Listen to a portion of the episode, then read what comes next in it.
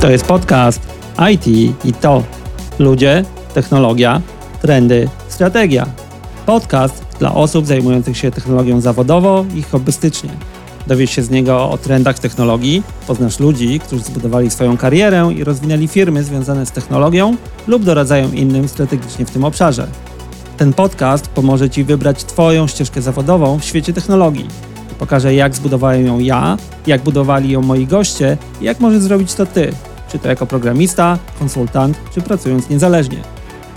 Pamiętaj, mam opinię i nie zawaham się jej użyć, ale możesz się z nią nie zgodzić i na to liczę.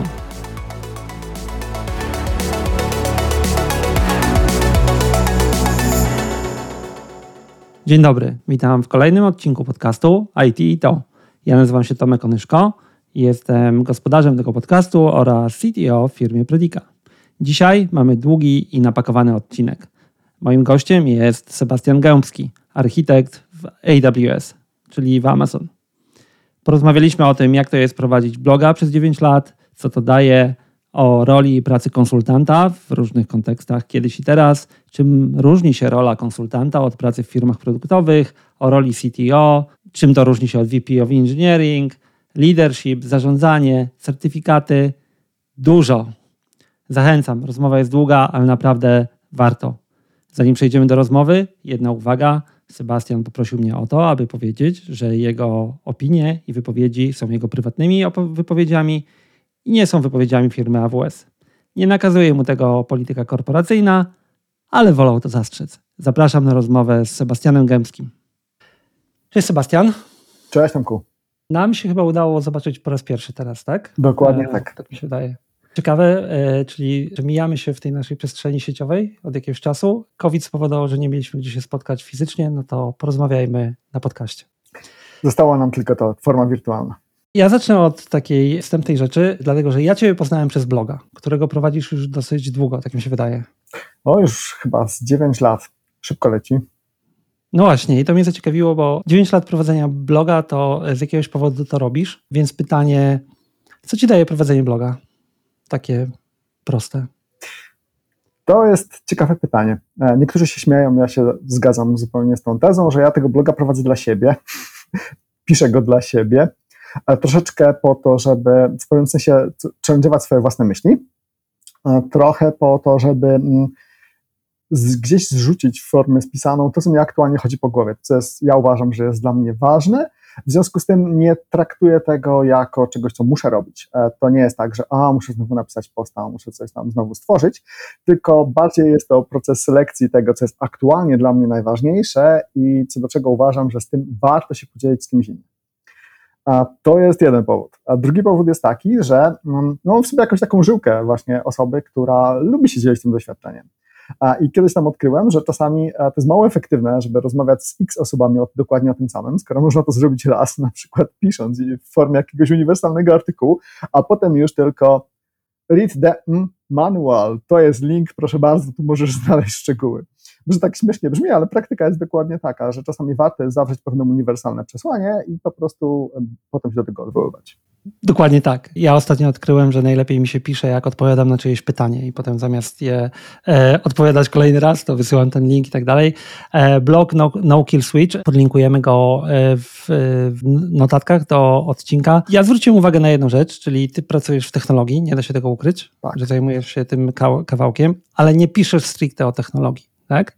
Czyli to, co tam piszesz, to są raczej przemyślenia dookoła. Tak? To nie jest blok inżyniera, to nie są kawałki kodu i tak dalej, to raczej są właśnie przemyślenia na temat e, roli lidera i tak dalej, i tak dalej. To celowy kierunek, który obrałeś? Tak, czy tak wyszło? Masz rację, ale to, to chyba właśnie nie do końca był taki, powiedzmy, wybór arbitralny, e, tylko piszę o tym, co jest ważne dla mnie aktualnie na tym moim obecnym etapie.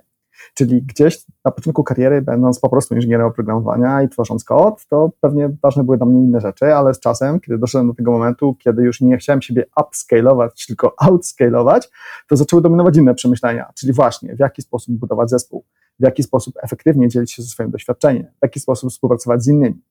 Potem im więcej miałem tych swoich własnych war stories i blizn na własnych plecach, to e, coraz więcej zacząłem myśleć o tym, co działa, co nie działa. E, e, i, I wtedy właśnie miałem takie przemyślenia, że kurczę, czasami to jednak nie sama technologia jest najbardziej krytyczna, ale być może jednak ten czynnik miękki, białkowy, ludzki, to jednak też jest istotny.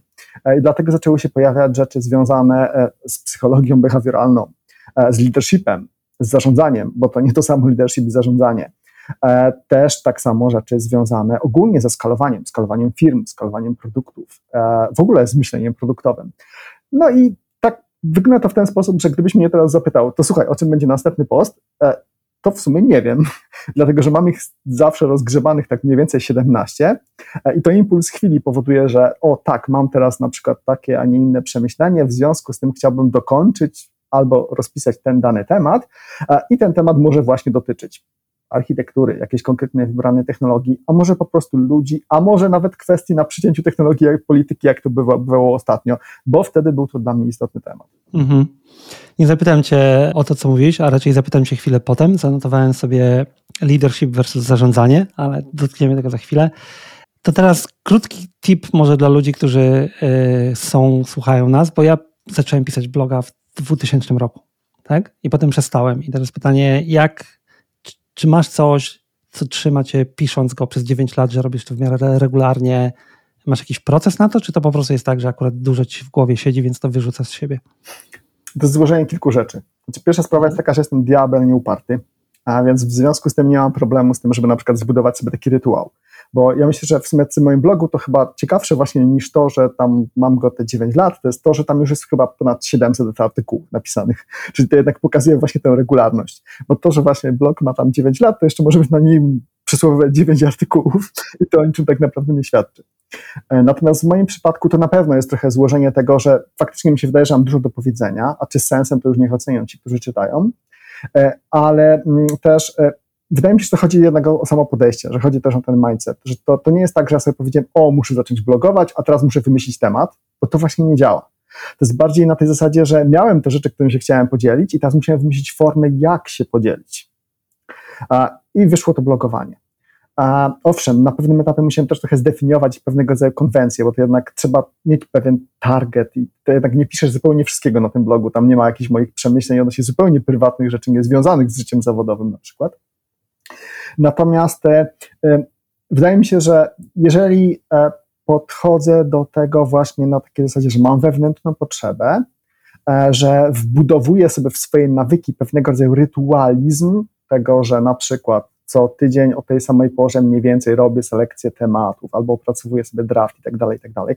To też gdzieś tam na pewno pomaga, ale też taki ostatni ważny czynnik, wydaje mi się, to jest właśnie to, że mm, podchodzę do tego z taką pełną atencją, czyli e, jeżeli na przykład e, nie czuję tego konkretnego teraz artykułu, to nie jest tak, że muszę go teraz wypychać już, bo nie wiem, co czwartek publikuję, tylko trudno, on sobie poczeka do momentu, kiedy ja będę gotowy. Może napiszę jakiś inny, ale bardziej zależy mi na tym, żeby to jednak poszedł jakiś konkretny message, żeby to było warte czegokolwiek czasu i czegokolwiek czytania, niż żeby po prostu tłuc gdzieś tam machinalnie co tydzień, a bo sobie obiecałem i tak dalej. E, ale wydaje mi się, że najważniejsza z tego wszystkiego jest właśnie ta wewnętrzna potrzeba, że mam przemyślenie, które uważam, że jest ciekawe, e, które przetrawiłem w wystarczającym stopniu, czyli da się to zamknąć w jakiejś krótkiej formie, z czym mam pewien problem, bo zawsze chciałem, żeby to jednak się mieściło w ramach 400 słów, a jest to trudne, jest, jest mi trudno zejść poniżej 800, więc to jest cały czas coś, nad czym pracuję. Natomiast to jednak ta wewnętrzna potrzeba e, to jest, wydaje mi się, taki ten kluczowy czynnik tutaj. Czuję Twój ból w pełni. E, w poprzednim tygodniu napisałem artykuł, pisałem go dwie godziny, przeczytałem, myślałem, nie wyjdzie. To jest dokładnie to, miałem coś w głowie, napisałem, potem pomyślałem, w zasadzie ja bym nie chciał tego przeczytać, nie interesuje mnie to, choć to wyrzuciłem z siebie, poszedł na bok, tak? To jeszcze pytanie odnośnie warsztatu. Masz długą listę tematów, które istnieją, a do nich nie wróciłeś i czekają na napisanie? Tak, jak, ja akurat korzystam z Ghosta, więc tam mam mhm. taką listę draftów i przy każdym drafcie jest napisane, kiedy ostatnio był wizytowany i mam takie mhm. drafty, które na przykład czekają od 4 lat. Chyba 4 to jest rekordzista. E, ale czasami to jest właśnie potrzebny ten impuls. Ostatnio napisałem akurat mhm. taki artykuł trochę o tym przycięciu mm, polityki z technologią a to w kontekście tych afer parlerowych i tak dalej, i tak dalej. E, I to też nie był artykuł, który powstał nagle, tylko już wcześniej chciałem coś takiego wypuścić, ale chyba potrzebowałem tego impulsu, potrzebowałem do tego case'a, przykładu do zilustrowania, a w związku z tym odgrzebałem coś, co czekało tam na pewno ponad rok. Także ta lista jest długa, ale ja się tej listy wcale nie wstydzę. To, że tam jest tych 17 postów, to bardzo dobrze, bo to są pomysły, które być może nigdy nie wyjdą, a być może właśnie czekają na to, żeby je czymś uzupełnić. To było pytanie kompletnie dla mnie, po prostu chciałem poczuć się lepiej, że nie tylko ja tak mam. To przyznaję się i tobie, i słuchaczom. E, sprawdzałem, czuję się lepiej, wiem, że nie jestem sam. Stephen King też pisał trochę do szuflady różnych rzeczy, więc jesteśmy w dobrym towarzystwie, nie ma się co przejmować. Super. To ostatnie pytanie odnośnie bloga. 700 artykułów, ja nawet tego nie sprawdzałem wcześniej, nie czytałem cię od początku. Nie myślałeś, żeby zrobić z tego książkę? A też to pytanie parę razy padło ze strony różnych osób. Mhm. Teoretycznie jest to dobry pomysł, ale mm, z dwóch, przynajmniej dwóch powodów e, jakoś e, chyba to się nie uda. E, pierwszy powód to jest jakiś taki mój, nie nazywam tego kompleksem, bo to się nazywa fachowo efekt Dunninga-Krugera. Mhm, tak. Czyli kiedy spojrzę na to całościowo i nawet spróbuję zebrać pewnego, pewne przemyślenia w taką szerszą klamrę, to mam takie wrażenie, i wiem, że mów, sam mówię o tym, czy mam tego świadomość, prawda? Ale cały czas mam takie wrażenie, że nie no, kurczę, to jest oczywiste. Na pewno, że ktoś o tym napisał. Ja sam o tym czytałem. Więc to byłoby odtwórcze. Przecież nikt by tego nie kupił, tylko bym się narobił, napisał i tak dalej. No więc pewnie nie. Więc to jest pierwszy powód. Ja traktuję, tak bardzo mocno w to wierzę. E, drugi powód jest taki, że tak jak sami, sam wspomniałeś, te, ten blog e, jest bardzo szeroki, jeżeli chodzi o tematy. A, I teraz znowu, żeby to zebrać w jakąś jednak wąską działkę, jakąś, coś, co nadawałoby się na jakąś książkę, to byłoby to chyba trudne. Nie wiem, musiałbym się do tego przymierzyć. A trzecie, trzeci powód jest taki, że ja uważam, że jestem dobry w zarządzaniu czasem, ale mimo wszystko e, tak sobie wypełniłem swój harmonogram, e, angażuję się już w tyle rzeczy, że wiem, że napisanie jakiejś książki, nawet zebranie czegoś już napisanego w książkę byłoby na tyle angażujące, że po prostu mnie na to nie stać w tym momencie. A jestem tak totalnie nakręcony na to, co robię na innych frontach, że nie chcę tego poświęcać. Okej. Okay. Znowu poczułem się lepiej. E, ten efekt, o którym mówiłeś, ubił połowę rzeczy, które chciałem napisać. Potem się nauczyłem, że niesłusznie, że to nie jest tak, że jak ja uważam, że to jest nudne, to inni tak uważają. Więc teraz e, znowu zacząłem pisać miałem taki moment, w którym przestałem pisać dokładnie z tego powodu, bo każdą rzecz, którą chciałem napisać, uważałem, że już ludzie ją wiedzą. Tak? Ja walczę z tym, walczę, ale to jest trudne. Blog No Kill Switch, e, link jest e, w notatkach na dole dla tych, którzy są zainteresowani. E, dla tych, którzy nie są zainteresowani, też polecam, zainteresujecie się. Przejdźmy do czegoś innego. Prześledziłem Twoją karierę i podzieliłbym ją na trzy etapy. Tak? Ostatni ten, w którym jesteś w tej chwili, wkroczyłeś do dużej korporacji, AWS. Nie nazwałbym tego korporacją. Okej, okay, forma prawna taka, ale jako, że jesteś tam miesiąc, to nie będziemy o tym rozmawiać. Umawiamy się od razu na dogrywkę, za rok mi powiesz, jak jest w AWS po roku, tak? Super, jesteśmy umówieni. Dobrze, no to jest super odcinek, e, numer któryś tam. E, Sebastian Gębski e, po roku w AWS, już jest zapowiedź, subskrybujcie. Ale dwa poprzednie etapy to jeden duży, duży chunk czasu, E, pod tytułem consulting, tak? I o tym chciałem chwilę porozmawiać. Przez długi czas byłeś, nie da się powiedzieć inaczej, konsultantem w dużej firmie konsultingowej. To jeszcze mała dygresja. Jeszcze mhm. zanim byłem tym konsultantem, to jeszcze podczas studiów przez e, chyba 2,5 roku pracowałem w startupie. Wtedy jeszcze, kiedy nie było chyba słowa startup w powszechnym użyciu. To było super fajne doświadczenie. 14-osobowa firma wszystko robiliśmy sami, łącznie z napisaniem swojego własnego silnika bazy danych. To były czasy totalnie crazy, jak na 2001 rok. Także można powiedzieć, że byłem tym pionierem startupingu w Polsce. Nie będziemy się ścigać. Jak rozmawialiśmy przed, przed nagraniem, e, byłem częścią robienia pierwszego portalu biznesowego w Polsce. Mieliśmy dotcoma i tak dalej, ale, ale kompletnie rozumiem. E, to były takie czasy. My napisaliśmy chmurę wtedy e, w 99 roku. Mieliśmy web appy i tak dalej. Nice. Kończyło się tym, że ktoś nam uruchomił Duma na serwerze, bo wrzucił płytę, kliknął i zadziałało. Zdarza się. Ale można było sobie sprowizonować własny serwer przez interfejs. Teraz nazywa się to web application, cokolwiek. Ale potem byłeś konsultantem. Tak. Kto to jest konsultant? Konsultant. A, E, taka żartobliwa definicja z tamtych czasów, kiedy ja zaczynałem, to była taka, że to jest skrzyżowanie mafii i prostytucji. Już się boję. E, czyli, że za pieniądze zrobimy wszystko i nawet taką najczarniejszą robotę. E, to jest taka definicja, która jest żartobliwa, natomiast generalnie chodzi po prostu o to, że to jest świadczenie usług, zrobienie komuś po prostu projektu, Przy czym to te, ta firma, w której ja pracowałem, to się czasami tego typu firmy się no, określa jako high value consulting albo powiedzmy strategy level consulting i tak dalej. To są zazwyczaj firmy, które wkraczają wtedy, kiedy albo klient jest już w dużej potrzebie, albo trzeba zrobić coś bardzo szybko, albo jest to bardzo trudne i nikt tego wcześniej nie robił, albo mm, stopień ryzyka z jakiegoś powodu jest tak wysoki, że musi przyjść i robić to ktoś, kto e, bardzo dużo ryzykuje swoim brandem, czyli po prostu nie może pozwolić, żeby coś się nie udało. E, przynajmniej tak to wyglądało wtedy, w tamtych czasach. E, pamiętajmy, że to był 2001 rok i to były czasy, kiedy jeszcze dostęp do informacji nie był powszechny. Kiedy jeszcze open source, owszem, istniał, Erlang, z tego co pamiętam, był wyopensowany jeszcze wcześniej. Natomiast to były czasy, kiedy na przykład do developowania używało się produktów proprietary, produktów e, też klasy właśnie enterprise, do których studenci mieli dostęp tylko i wyłącznie dlatego, że je na przykład piracili, bo to jeszcze było też przed ustawą o ochronie danych. Taki mieliśmy rynek.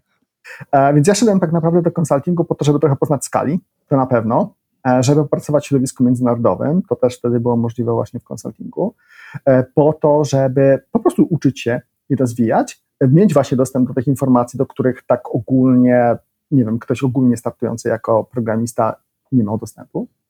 Poszedłem tam też dlatego, że mm, kolega zachęcił mnie, żeby po prostu pójść na rozmowę rekrutacyjną i mnie zachęcić i strasznie podobał mi się tam e, proces rekrutacyjny, bo oni faktycznie bardzo, bardzo wysoko stawiali tą poprzeczkę, tam ciężko się było przedrzeć e, i sam ten sam proces też był bardzo ciekawy, dlatego że on nie był stricte technologiczny, ale zadawali mi tam fajne problemy typu jak byś zaprojektował bankomat? I teraz wydaje się, że to jest niby prosta sprawa, ale nie chodziło tylko i wyłącznie o interfejs bankomatu. Chodziło o wszystkie jego interakcje, czyli na przykład zderzenie tego świata kasowego, bo tam są jakieś fizyczne pieniądze, monety i tak dalej, i tak dalej, z tym światem księgowym, z e, światem samych liczb. E, chodziło o to, żeby być w stanie przewidzieć na przykład jakieś fejle, które mogą się wydarzyć, sytuacje awaryjne i tak dalej. I to było dla mnie fajne, że tych ludzi nie tylko interesowało to, że ja potrafię syntaktycznie napisać poprawny kod, ale że ja umiem faktycznie rozwiązywać prawdziwe problemy. I stwierdziłem, sounds nice, to tak chciałbym pracować, chciałbym faktycznie rozwiązywać takie prawdziwe problemy. Gangsterka. No i tak, tak, ta gangsterka. 2001 rok, y, to tylko tak trochę wejdę ci w słowo, y, taka wada, walczę z nią, ale dalej jednak mi się przydarza, bo 2001 y, rok, obydwaj już wtedy pracowaliśmy, to już ustaliliśmy, to był trochę taki rok, y, nie wiem, czy w ogóle jeszcze okres, nie wiem, czy przyznasz mi rację, że wystarczyło w zasadzie coś umieć, tak? I głód tak jakby ludzi na rynku był taki, że dawali w większości z nas szansę wtedy, nie? E, nie wiem, czy to tak widziałeś, czy nie. To było takie... Bo, bo Polska była trochę pustkowiem, jeżeli chodzi o doświadczenie wtedy. Nie mówię o wiedzę, tylko o doświadczenie właśnie, do które wspomniałeś. Tak? Na pewno tak, ale tak jest w sumie do tej mhm. pory. Są jeszcze konkretne nisze, nawet stanowiska, nawet profile, które na chwilę obecną są bardzo mocno niedostafowane, to sobie pozwolę użyć takiego określenia, i nawet bardzo duże firmy, gdzie kandydaci walą e, drzwiami i oknami, potrafią szukać osoby na dane stanowisko przez 2-3 lata, co jest po prostu nie, totalnie nieprawdopodobne. Ale wtedy tak, zgadzam się, że to były takie wielkie początki, e, i wtedy tak naprawdę w ogóle było niewiele firm, które mogły się legitymować tym, że zrobiły super fajny produkt e, właśnie w dużej skali. Jeszcze wtedy tak naprawdę to jeszcze były czasy, zanim e, upowszechniły się takie już teraz można powiedzieć bardzo zakurzone kredensiale, jak, jak, jak PMA, jak PMP, czyli pewnego rodzaju dowody, pewnego rodzaju kompetencji. To jeszcze wtedy to w ogóle raczkowało, to jeszcze wtedy o takim zestandaryzowaniu, o takim zebraniu takiej tej wiedzy, tego book of knowledge jeszcze, jeszcze się mało mówiło. A o w ogóle o wejściu jakichś tam metodyk agile'owych i takiego nowoczesnego myślenia produktowego to jeszcze w ogóle wtedy nawet nikt nie myślał, przynajmniej w Polsce. No dobrze.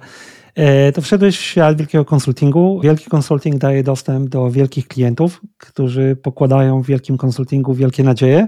Wjeżdżacie na białym koniu, rozwiązujecie dowolne problemy, wyjeżdżacie z tarczą tak, zawsze. Po siedzeniu codziennie 16 godzin. To jest może ukrywany sekret branży i sukcesu. Liczył się efekt.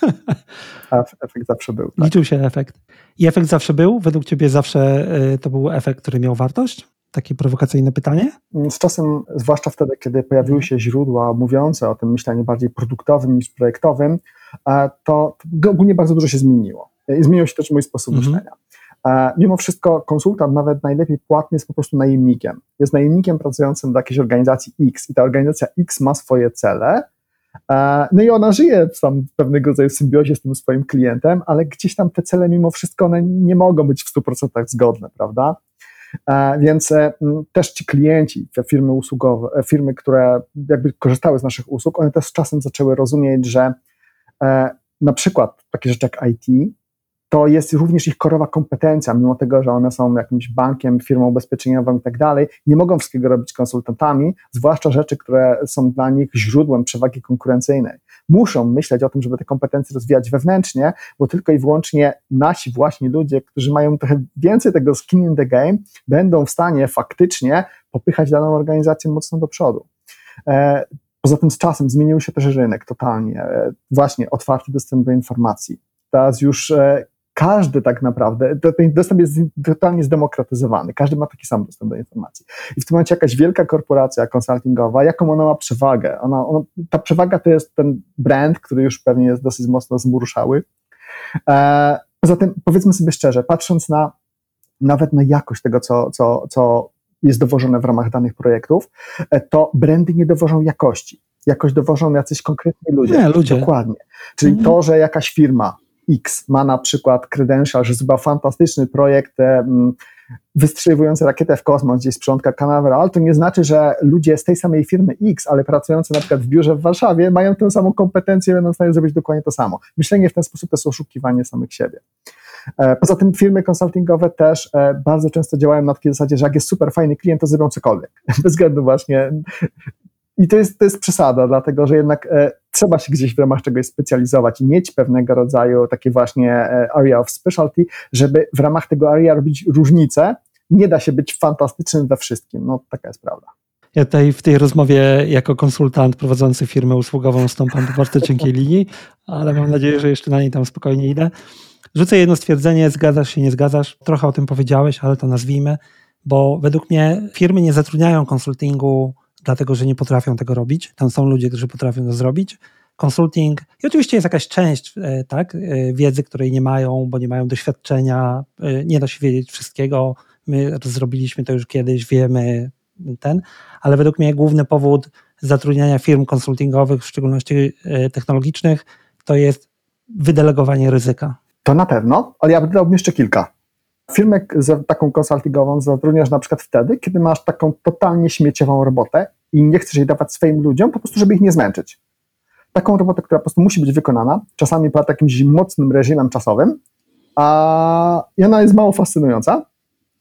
Ktoś ją musi zrobić, chcesz mieć gwarancję zrobienia tego i wtedy bardzo często dajesz ją do jakiejś takiej firmy konsultingowej. E, to ryzyko jak najbardziej zgadzam się, bo tych firm na przykład właśnie nie stać na to, żeby ich brand był kojarzony z jakimkolwiek nieudanym projektem. To, to, to, to również. E, no i znajdą się nieudane o, tak. projekty. Wdrożenie SAP-a w pewnej niemieckiej firmie. O tak. Portal w USA odnośnie szczepionek z tego tygodnia. Tak, tak, to też widziałem. No cóż, e, jak widać, nawet im nie, nie udaje się unikać tego typu sytuacji, ale generalnie ja myślę, że właśnie duże firmy, które które są klientami potencjalnie takiego konsultingu, też już sobie zdają sprawę z tego, że e, tych najbardziej strategicznych projektów, e, również nawet czasami najciekawszych projektów, albo nawet wymagających największych kompetencji, nie ma sensu wystawiać na zewnątrz. Dobrze. Przestajemy pastwić się nad konsultingiem. Chciałbym poprowadzić firmę jeszcze chwilę. E, tutaj rzucę tylko dwie rzeczy, żeby były for, e, for the record, e, ale też potem do notek. Jest jedna książka, o której też już rozmawialiśmy, Management Myth, polecam, podlinkuję i to jest odnośnie historii business consulting, strategy consulting. Przeczytałem ją na koniec zeszłego roku, bardzo dobra. A odnośnie tego, co powiedziałeś, bo to było dość ciekawe, że firmy mają wewnątrz siebie zasoby, które naprawdę potrafią rzeczy robić, tak, i niepotrzebnie to outsourcują. War, Peace and IT. Bardzo dobra książka, też podlinkuję. Pociągnę za to jeden wątek, który wspomniałeś, że to, co się zmieniło pomiędzy wtedy a, a teraz, to jest dostęp do informacji. Mógłbyś to jakoś rozwinąć, jak to rozumiesz? E, czyli e, co daje nam dostęp do informacji, które mamy w tej chwili, jak go rozumiesz, tak? No bo oczywiście mamy internet, tak? Możemy go przeszukać, odpalamy przeglądarkę, jedną, drugą, e, ale w którym obszarze to się zmieniło najbardziej? Myślę, że to się zmieniło totalnie w każdym obszarze. E, kiedy ja zaczynałem, e, każde idee sensowne, żeby pisać w jakimś języku programowania, było płatne. Poza Emacsem mhm. poza Emacsem, natomiast y, i VI-em, można je traktować jako ideę, tak, a nie edytorium. Ale kto wszedł VI, nie wyszedł, więc był stracony e, dla społeczeństwa. Ale jakiekolwiek rozwiązania, na przykład służące, nie wiem, do jakiejś integracji, czy to silniki baz danych i tak dalej, poza jakimiś mhm. raczkującymi wtedy jeszcze MySQL-em czy Postgresem, to wszystko było tak naprawdę płatne, to było bardzo wysoko płatne. Bariera wejścia, żeby zacząć z tego korzystać, była po prostu bardzo wysoka. E, nie było nawet kultury dzielenia się e, dokumentacją. Po prostu for free, nawet e, potem wymagając płacenia już za licencję już samego produktu. Takie, takie to były czasy. Narzędzia zazwyczaj były wypuszczane przez takie firmy jak Oracle czy IBM. To były czasy, kiedy na przykład ówczesne architektury usługowe budowało się w WebSphere, WebSphere czy tam w Oracle mhm. Developerze, czy w Microsoft Bistocku. Teraz y, połowa naszych słuchaczy y, szuka w archive.org, o, o czym mówimy. Tak. tak. Wtedy, kiedy na przykład w jakiejś dużej firmie e, chciało się wykorzystać jakieś narzędzie open source'owe, to albo w ogóle nie było to możliwe, albo wymagało to jakiegoś skomplikowanego audytu, dlatego że open source był de facto zakazany w firmach jako coś niepewnego, niesprawdzonego, niestabilnego, wręcz niezrozumiałego, bym powiedział.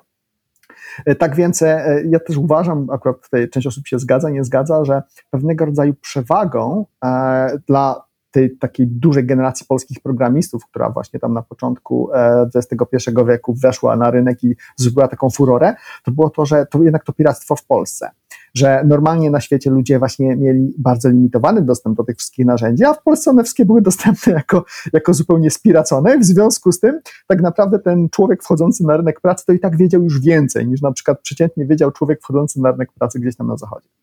Natomiast no, fast forward te 20 lat, tu gdzie jesteśmy teraz, open source rządzi. Nie jest już zupełnie, nie jest niczym złym tak naprawdę, jest, jest już powszechnym standardem. E, powszechny dostęp do informacji jest wszędzie. Otworzyły się wielkie korporacje, jak Microsoft, który jest czymś zupełnie innym niż na przykład był tam te 10, 15 czy, czy 20 lat mhm. temu. Na chwilę obecną bardzo wiele rzeczy dostępnych jest totalnie w modelu usługowym, as a service.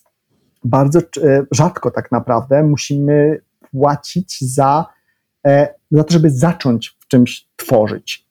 E, nawet kwestia dostępu do samej infrastruktury e, sprzętowej, serwerowej. E, jesteśmy w stanie bez jakichś wielkich inwestycji zacząć budować gdzieś jakiś biznes, jakiś proof of concept dosłownie w przeciągu kilku minut. To było totalnie niewyobrażalne te, te, te 20 lat temu.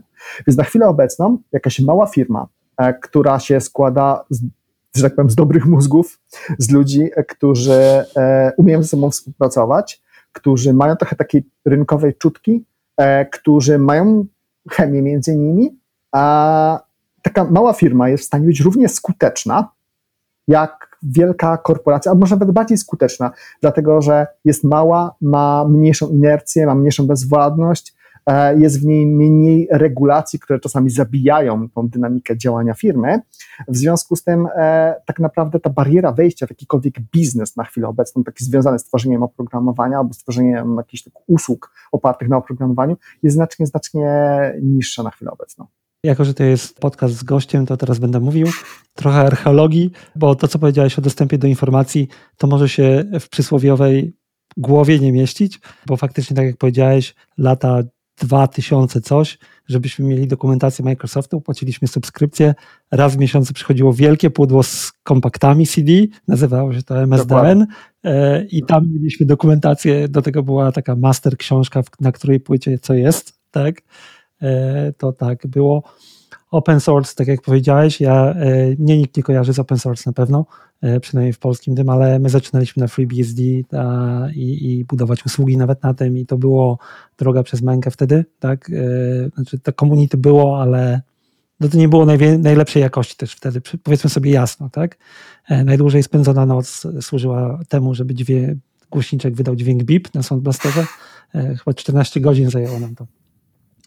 Ciekawe jest to teraz fast forward, to co powiedziałeś, że teraz nawet mała firma może e, konkurować, tak? Wczoraj widziałem, jest taki, e, podlinkuję, e, deweloper pracujący chyba nawet w twojej obecnej firmie AWS, Nadir Dabit, nie wiem czy nie znasz, nie?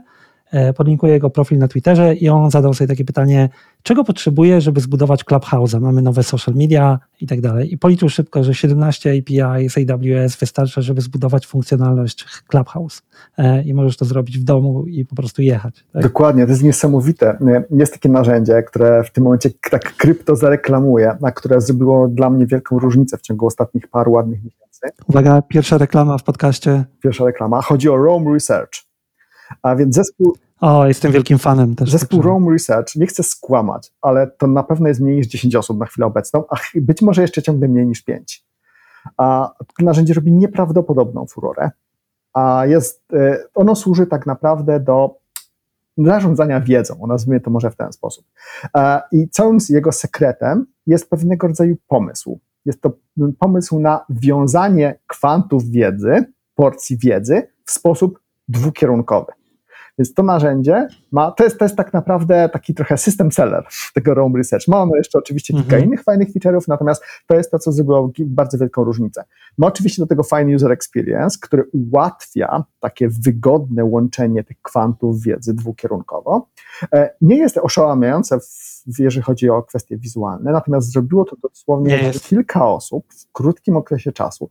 Kiedy to narzędzie jeszcze było cały czas na etapie inkubacji, nie było normalnie dostępne, to ludzie się zabijali o zaproszenia, tak jak w przypadku Clubhouse, o którego wspomniałeś prawie się zabijali o zaproszenia, żeby tylko móc zacząć z niego korzystać. I teraz właśnie, kiedy, to jest dokładnie to, co powiedziałeś, kiedy się pomyśli o tym, jak niewiele osób przy jak niewielkich nakładach e, mogło stworzyć tak produkt, który w tak viralowy sposób e, jest teraz adaptowany szeroko na całym świecie, to to, jest niewyobrażalne, to, to byłoby niewyobrażalne dla kogoś, kto myślałby o stworzeniu produktu właśnie te 10 czy 15 lat temu. E, Raub Research to jest moje odkrycie zeszłego roku. E, nie wiedziałem, że tak było trudno się dobić o zaproszenie. Widocznie trafiłem na samym początku. Używam. Jeden z tych shame postów czekających w kolejce to jest Why do I roam? E, który czeka do napisania, e, zmodybilizuje się, napisze. Byłem święcie przekonany, że to dalej jest jedna osoba. E, tak szczerze powiem, że myślałem, że to jest dalej rozwijane przez tego, który to zaczął. Nawet nie wiedziałem, że tam powstała Na firma. pewno Conor ma przynajmniej dwoje współpracowników. Mm. No, o, o, to, okay. to, pamiętam, ale tam podejrzewam, że jeszcze chyba ktoś jest. Mm. Rome Research podlinkuję też na Twitterze, polecam Rome Cult, już powstał taki hashtag. O tak, już jest całe, całkiem duże community dookoła i całkiem duży ekosystem dodatków do niego. To jest bardzo imponujące. 10 odcinków po odcinku o AWS-ie spotkamy się, porozmawiamy o tym, jak używamy Roam Research, porównamy swoje notatki i tak dalej. Ja y, używałem go bardzo podstawowo i w tym roku powiedziałem sobie, że zacznę go używać trochę inaczej, bardziej się zastanowię, co tam mogę zrobić. Bo mnie urzekło to, że mogę wrzucić tam wiadomość i potem mogę ją znaleźć, nie hierarchizując jej w żaden sposób. Dla mnie to był killer feature, OneNote na bok, Roam Research do przodu. To teraz poznęcaliśmy się nad konsultingiem, wspominaliśmy stare dobre czasy, to fast forward, odszedłeś z firmy konsultingowej i wkroczyłeś w, start, w świat startupów bardziej, tak? To była świadoma decyzja, czy tak wyszło? Bardzo świadoma. E, to jest tak, że w firmie konsultingowej idąc e, w górę kariery, bo tam jednak panuje model up or out, czy musisz iść w górę kariery, albo stajesz się balastem i się po prostu ciebie pozbywają. Więc idąc w górę kariery, zazwyczaj twoja rola staje się coraz bardziej relacyjna. Trochę sprzedażowa, stajesz się pewnego rodzaju accountem przy jakichś dużych klientach mnie totalnie nie kręciło, bo no jednak ja bardzo mocno czułem się architektem, czułem się osobą związaną z technologią i też coraz bardziej uwierało mnie to, że moja praca była bardzo stricte projektowa i to jeszcze były takie projekty, gdzie faktycznie ja przy moim seniority wysokiej stawce tak naprawdę byłem rzucany w te miejsca, gdzie mogłem zrobić jakąś różnicę, ale zupełnie nie miałem możliwości jakby czerpania z tego, co robię albo z tego, co doradzam długoterminowo. Czyli ciągle reset kontekstu, reset kontekstu, reset kontekstu. I nawet będąc pracując jako taki subject matter expert, nawet miałem, szczerze mówiąc, problemy z tym, żeby długoterminowo zbudować jakiś team dookoła siebie i rzeczywiście właśnie skalować się out. A, więc w związku z tym postanowiłem, że już dość. E, chociaż ja i tak muszę mm -hmm. przyznać, że miałem dużo szczęścia właśnie w firmie konsultingowej, jednak do projektów, które nawet nie to, że wybierałem, tylko wybierały mnie, i ludzi, pod których skrzydła trafiałem, e, bo ten mentoring akurat w moim przypadku był naprawdę bardzo, bardzo korzystny i dużo mi dał. W każdym razie, postanowiłem coś zmienić. Ja tego wtedy nie nazywałem w ten sposób, że będę szukał firmy startupowej. Ja mówiłem, że będę szukał firmy produktowej. I właśnie zależało mi na tym, żeby pracować nad jakimś produktem long term, podejmować decyzje, być może błędne, ale potem uczyć się na tych własnych decyzjach. E, poza tym też firmy produktowe mają to do siebie, że no, produkt musi się obronić komercyjnie. W związku z tym wydaje mi się, że jest łatwiej, znacznie łatwiej o to jednak, żeby dyskusje były merytoryczne, bo skoro musi się obronić komercyjnie, skoro musi się obronić finansowo, powiedzmy sobie to wprost, e, to, no to w tym momencie pewnego rodzaju polityka już na przykład odpada. I tak pracowałem w kilku firmach, e, część z nich również właśnie startupowych. E, pracowałem tak troszeczkę mm, zawsze gdzieś tam na spektrum pomiędzy albo architektem, hardkorowym architektem, a takim engineering managerem, już potem z czasem tam VP of Engineering e, i właśnie CTO.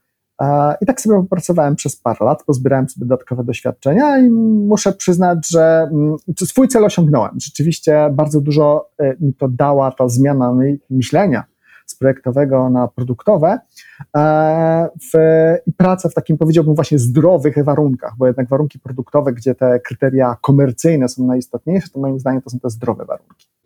Zrobię mały lub z powrotem do tego, o czym rozmawialiśmy wcześniej. Już mam tytuł odcinka, E, Sebastian i Tomek znęcają się nad konsultingiem. Okay. Ale za chwilę do tego wrócimy, bo jedna rzecz uderzyła mnie w tym, co powiedziałeś w tej chwili i taką miałem myśl, że to jest prawda, że duża różnica dla firmy konsultingowej i dla takiej osoby jak ty jest taka, że ty nie żyjesz z tym produktem czy usługą tak długo, żeby ponieść konsekwencje błędnych decyzji. Też, tak. Nigdy o tym tak nie myślałem, tak?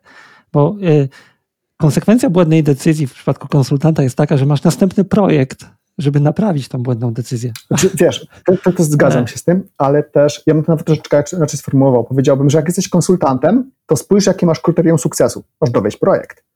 Chociażby po trupach, chociażby ten projekt tam powiedzmy pod spodem tlił się lekkim ogniem, a, bo tak masz, takie masz na przykład sformułowanie kontraktowe. Ja oczywiście teraz troszeczkę wyolbrzymiam i tak dalej. Wiadomo, że ci konsultanci nie mają tutaj wcale jakichś złych intencji i tak dalej. Natomiast no, suma summarum to jest dla nich priorytet numer jeden. I owszem, musimy, możemy sobie mówić o tym, że jednak e, chcą budować długoterminowe mm, jakieś relacje z klientem i tak dalej, i tak dalej, ale są rozliczani przede wszystkim właśnie z tego dowiezienia projektu. E, poza tym są też uzależnieni od uzależnieniem, że to śmiesznie zabrzmi, ale też od pewnego rodzaju polityki po stronie klienta. Czyli klient podejmuje pewne decyzje i ma oczekiwania względem konsultantów i konsultanci po prostu realizują pewnego rodzaju agendę. Więc czasami trudno jest o ten alignment, dlatego że no te powody, czy to, co jest pod spodem, cele, one, one również się rozjeżdżają. Zdarzało nam się na przykład dowieść projekt z sukcesem, osiągnąć wszystkie cele, a on i tak był ubijany z jakiegoś powodów, na przykład nie wiem, politycznych, które dla nas zupełnie nie były w żadnym stopniu czytelne. Zdarza się. To teraz jesteśmy w Twojej nowej rzeczywistości. Rola CTO w trzech zdaniach. Tylko w trzech. Pierwsze zdanie jest takie, że to zależy, jednak każda firma rozumie rolę CTO zupełnie inaczej. E, kiedy to jest po prostu mała firma, to CTO to jest pewnie najbardziej kumaty programista, albo ten, który jest najbardziej skuteczny, ma największą siłę przybicia, albo się najlepiej dogaduje z founderami biznesowymi. E, to jest tak w przypadku, zazwyczaj w przypadku małej firmy. Jeżeli firma jest większa, mm, to mm, zazwyczaj ta rola CTO przyjmuje jeden z dwóch wariantów. Pierwszy wariant to jest taki, że to jest po prostu osoba, odpowiedzialna za wszystkie aspekty techniczne tego, co przynosi wartość, czyli produkty albo usługi. Czyli cokolwiek się wali, nie działa, jest wolne, złe i tak dalej, to to jest ta osoba, która zostaje po tyłku. Czyli musi zadbać o to, żeby to banglało poprawnie. Więc czy to jest taka czapka nad całą technologią? No CTO to jest C-level, czyli to jest osoba na najwyższym szczeblu zarządczym danej organizacji.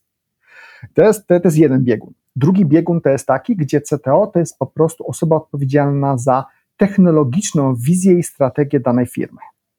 E, co to oznacza? Oznacza, że nie tylko definiuje albo bierze ownership nad tą technologiczną wizją i strategią, ale również ją sprzedaje. Sprzedaje ją w sensie i na zewnątrz, reprezentując firmę, czy to przed klientami, przed community, przed kimkolwiek, kto jest jakimś tam, jak to się nieładnie mówi, stakeholderem, ale również wewnątrz, czyli jest czasami trochę takim ewangelistą, jest czasami trochę takim e, osobą realizującą pracę u podstaw, żeby zbudować sobie z tych ludzi w środku organizacji takich minimi, czyli osoby, które również na co dzień w zespołach tą wizję dalej e, kultywują i, i, realizują. I czasami w tym drugim e, biegunie, w tym drugim końcu spektrum, to taki CTO to może być dosłownie osoba, która jest praktycznie indywidual contributorem, w sensie nawet nikt nie musi do tej osoby raportować, tylko to jest po prostu właśnie taki mózg, trochę taki super principal engineer na, stero, na sterydach, e, który po prostu ma cel e, bardzo dobrze ustawić tę wizję technologiczną w organizacji. Wiem, że przekroczyłem trzy zdania bardzo, bardzo, bardzo, ale chyba krócej tego nie jestem w stanie określić. Polski język jest giętki, mamy bardzo umowną interpunkcję, e, kropki były w odpowiednich miejscach. Na tych dwóch biegunach widzisz się bardziej w pierwszym czy w drugim w tej chwili? A ja mam właśnie tę, zaletę, mhm. czy tę przewagę, że e, podczas tych moich 20 lat kariery pełniłem rolę w bardzo różnych miejscach tego spektrum. W związku z tym, mhm. wchodząc do organizacji, mogłem, tak do tych ostatnich przynajmniej kilku, e, mogłem sobie powiedzieć, że ja tak naprawdę będę robił to, e, co do czego będę czuł, że ta organizacja najbardziej tego potrzebuje. Czyli na przykład będę się koncentrował na architekturze albo być może na kwestiach związanych z delivery, w zależności od tego, jak mocnych ludzi mam na pokładzie. Czyli co mogę zdelegować, albo co, gdzie jest potrzeba, że, żeby na przykład delegować, a gdzie jest potrzeba, żeby wypełnić pewną lukę. Więc e, w moim przypadku e, w dwóch ostatnich e, przypadkach to tak naprawdę była jednak koncentracja bardziej na tej stronie delivery, na tej stronie organizacyjnej, na stronie wzrostu całej tej firmy, na ludziach, procesach, współpracy z jakimiś innymi jednostkami, chociażby z, z produktem i tak dalej, a trochę mniej na tej stronie architektonicznej, gdzie już miałem osoby, które były w stanie to pociągnąć. Taki coming out, y, ja jestem bardziej na tej drugiej spektrum, również, bo tak jak powiedziałeś, to zależy. Moja firma jest trochę inna, my świadczymy usługi, tak? Y, więc to jest ta bardziej strona budowania wizji, ustalenia, że biegniemy w tą stronę, powiedzenia nie, jak kolega mówi, żebyśmy robili Oracla. Nie mam nic do Oracla, ale nie robimy go. I pilnowanie, że nie skręciliśmy w tą stronę, gdzie nie chcemy. Czasami e, też ewangelizowanie, nawet dość często, czy wewnątrz, czy klientów, praca z klientami, tak? E, ale to jest właśnie ciekawe, bo to ja zaczerpnąłem to z innej książki, e, The Manager, Manager Path. Tak, to bardzo dobra książka. Tak, i tam jest to właśnie fajnie opisane i tam jest takie zdanie, które zawsze powtarzam, CTO najbardziej nieokreślona rola w organizacji, e, ale byłeś też, albo wspomniałeś, jaka jest różnica między CTO a tak zwanym VP of Engineering czy Head of mhm. Engineering? Bo to są obydwie role management techniczne. Mhm ale inne. Znowu, żeby się za bardzo nie, nie tutaj nie roz, rozwadniać, e, to ja powiem, jaka jest taka najbardziej popularna definicja VP of Engineering, którą ja spotkałem. No więc VP of Engineering to jest właśnie zazwyczaj ta osoba, która w pewnym sensie odpowiada za delivery, za tą część ludzi i procesy. E, I to jest osoba, która e, albo jest równolegle do CTO, niekoniecznie musi być na poziomie C-level, natomiast działa niezależnie, w sensie te osoby muszą ze sobą współpracować, albo podlega w niektórych przypadkach pod CTO, Natomiast y, zazwyczaj VP of Engineering to jest właśnie ta osoba, pod którą liniowo podlegają zespoły. Jakieś feature teams, czy też e, nawet product teams. To jest osoba, która ma wizję, jak budować organizację już w taki sposób stricte struktury organizacyjnej, w jaki sposób formować na przykład zespoły, w jaki sposób rekrutować, e, performance management i tak dalej. Czy to jest przede wszystkim ludzie, procesy, proces dostarczania przede wszystkim, e, czyli wszelkiego rodzaju kwestie związane z takim powiedzmy liniową podległością. Jako CTO trzeba być dobrym people manager? Czy można tego uniknąć? Strasznie nie lubię określenia people manager, bo bardzo się tu lubię mm. porównywać. No, ale chodzi mi o osobę, która ma pod sobą zespół, ten zespół rośnie e, i tak dalej. I tak powołuję na tą taką, ja wiem, że to jest taka klisza mm. trochę, że mm, ludźmi się, ludzi się prowadzi, a zarządza się systemami pracy, czy tam a, mhm. właśnie, wróćmy do pytania leadership versus zarządzanie. Więc mm, czy, czy, czy CTO ogólnie powinien być dobrym people managerem? Ja bym odpowiedział w ten sposób, że mm, to jest rola, która jest bardzo mocno wystawiona do ludzi. Niekoniecznie na zasadzie właśnie takiego manageowania, jak to się menedżuje w arkuszu kalkulacyjnym, czy też bycia bardzo, mhm. bardzo directive, ale nawet jeżeli ten CTO nie ma nikogo podległego pod siebie w sensie takim czysto formalnym, to mm, na nim spoczywa bardzo, na nim czy na niej spoczywa bardzo ważna odpowiedzialność sprzedawania tej swojej wizji w dół. Musi inspirować, musi e, wychowywać sobie w pewnym sensie, formalnie czy nieformalnie, swoich poruczników gdzieś tam, że tak powiem, w terenie, w zespołach, w jednostkach, jakkolwiek dana firma jest zorganizowana. To jest bardzo trudne, e, ale do tego trzeba być też dobrym słuchaczem, a nie tylko i wyłącznie największym krzykaczem. to na pewno. Trzeba mieć też e, lekkość wschodzenia gdzieś tam w tych tak zwanych okopach, in the trenches, głęboko, ramię w ramię z ludźmi, żeby zachować swoje credibility zawodowe. I znowu, to nie jest tak, to nie jest kwestia czysto zarządcza, to jest kwestia tego, że mimo tego, że jesteś CTO i być może w tej organizacji jest jeszcze 10 tysięcy ludzi, to nie muszą czuć, że ty cały czas jesteś inżynierem, że ty cały czas mówisz ich językiem, że ty potrafisz, jak oni przyjdą do ciebie z jakimś problemem w sposób formalny czy nieformalny, to że ty ich zrozumiesz i że będziesz w stanie to zaadresować. Jak jeszcze jak coś obiecasz, to że to dowiedziesz, w sensie takim, że z tej obietnicy się wywiążesz. Jak dla mnie to, to nie jest management, bo to jest właśnie ten leadership, to, czyli to jest bycie kimś, mhm. za, którym, za kim inni chcą pójść. Bycie kimś, kogo inni postrzegają jako swój role model, kto właśnie inspiruje, kto jest katalizatorem, kto, mm, wiadomo, jako CTO w dużej organizacji, to nie piszesz kodu, bo to w ten sposób nie zrobisz wielkiej różnicy. Ty masz być odpowiedzialny za ten leverage, masz być mnożnikiem dla tych ludzi.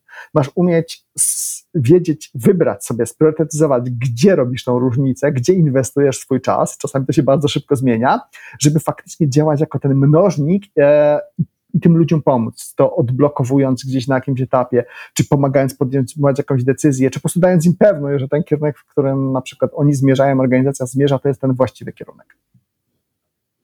Będę tego słuchał za każdym razem, kiedy będę miał gorszy dzień w pracy.